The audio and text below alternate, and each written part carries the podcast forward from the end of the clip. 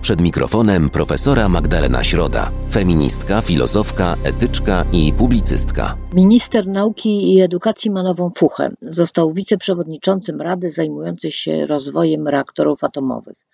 Można się z tego powodu cieszyć, bo jest nadzieja, że choć na chwilę odpuści nauce i edukacji. Można się też niestety martwić, bo jeśli jego troska o rozwój reaktorów atomowych będzie nacechowana taką ignorancją, butą i szaleństwem, jak to, co robi w szkołach, to naprawdę strach się bać. Obecnie wielu polonistów analizuje nową listę lektur, która coraz bardziej przypomina biblioteczny niezbędnik proboszcza, niż wprowadzenie w polską czy światową literaturę.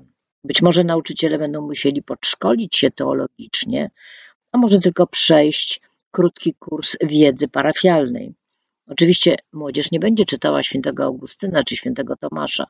Nie zapozna się nawet z Dionizem Pseudoraopagitą, który tak pięknie pisał o cudach, aniołach i serafinach. Tych autorów nie zna nawet sam pan minister. Młodzież będzie czytała Karola Wojtyłę, Jana Pawła II oraz prymasa Wyszyńskiego, bowiem to właśnie ci autorzy stanowić mają fundament życia duchowego uczniów, którego animatorami mają być w szkole Czarnka poloniści. Z listy lektur zniknęło wszystko, co według ministerstwa ma niejasne przesłanie, bo kultura musi być jak cep, jak wojsko albo jak telewizja publiczna, żadnych niejasności, jedna prawda. Nie będzie więc uczeń czytał małej apokalipsy Kąpickiego, bo może w niej znaleźć jakieś analogie do zamordyzmu organizowanego nam przez obecną władzę. Tymczasem taki dramat Karola Wojtyły, jakim jest przed sklepem jubilera, mówi wprost to, co uczeń wiedzieć powinien.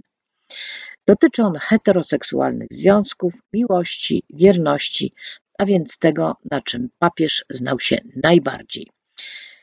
Kolei jego encyklika Fides et Ratio dowodzi, że nauki humanistyczne są niebezpieczne, bo prowadzą do relatywizmu i nihilizmu i mijają się z prawdą, której osiągnięcie jest możliwe tylko dzięki naukom świętego Tomasza Zakwinu. Pobożnych pisarzy w spisie lektur jest niemal tylu, ilu Mickiewiczów i Słowackich i znacznie więcej niż naszych noblistów, czyli Miłosza, Szymborskiej, i Tokarczuk. Z doświadczenia wiem, że mało co tak zniechęca do książek, do lekcji języka polskiego i szkoły w ogóle, jak nachalna ideologizacja. Ta w wykonaniu ministra Czarnka jest wyjątkowo siermiężna i szkodliwa. Wspieraj niezależne Halo Radio, które mówi wszystko. www.halo.radio ukośnik SOS. Dziękujemy.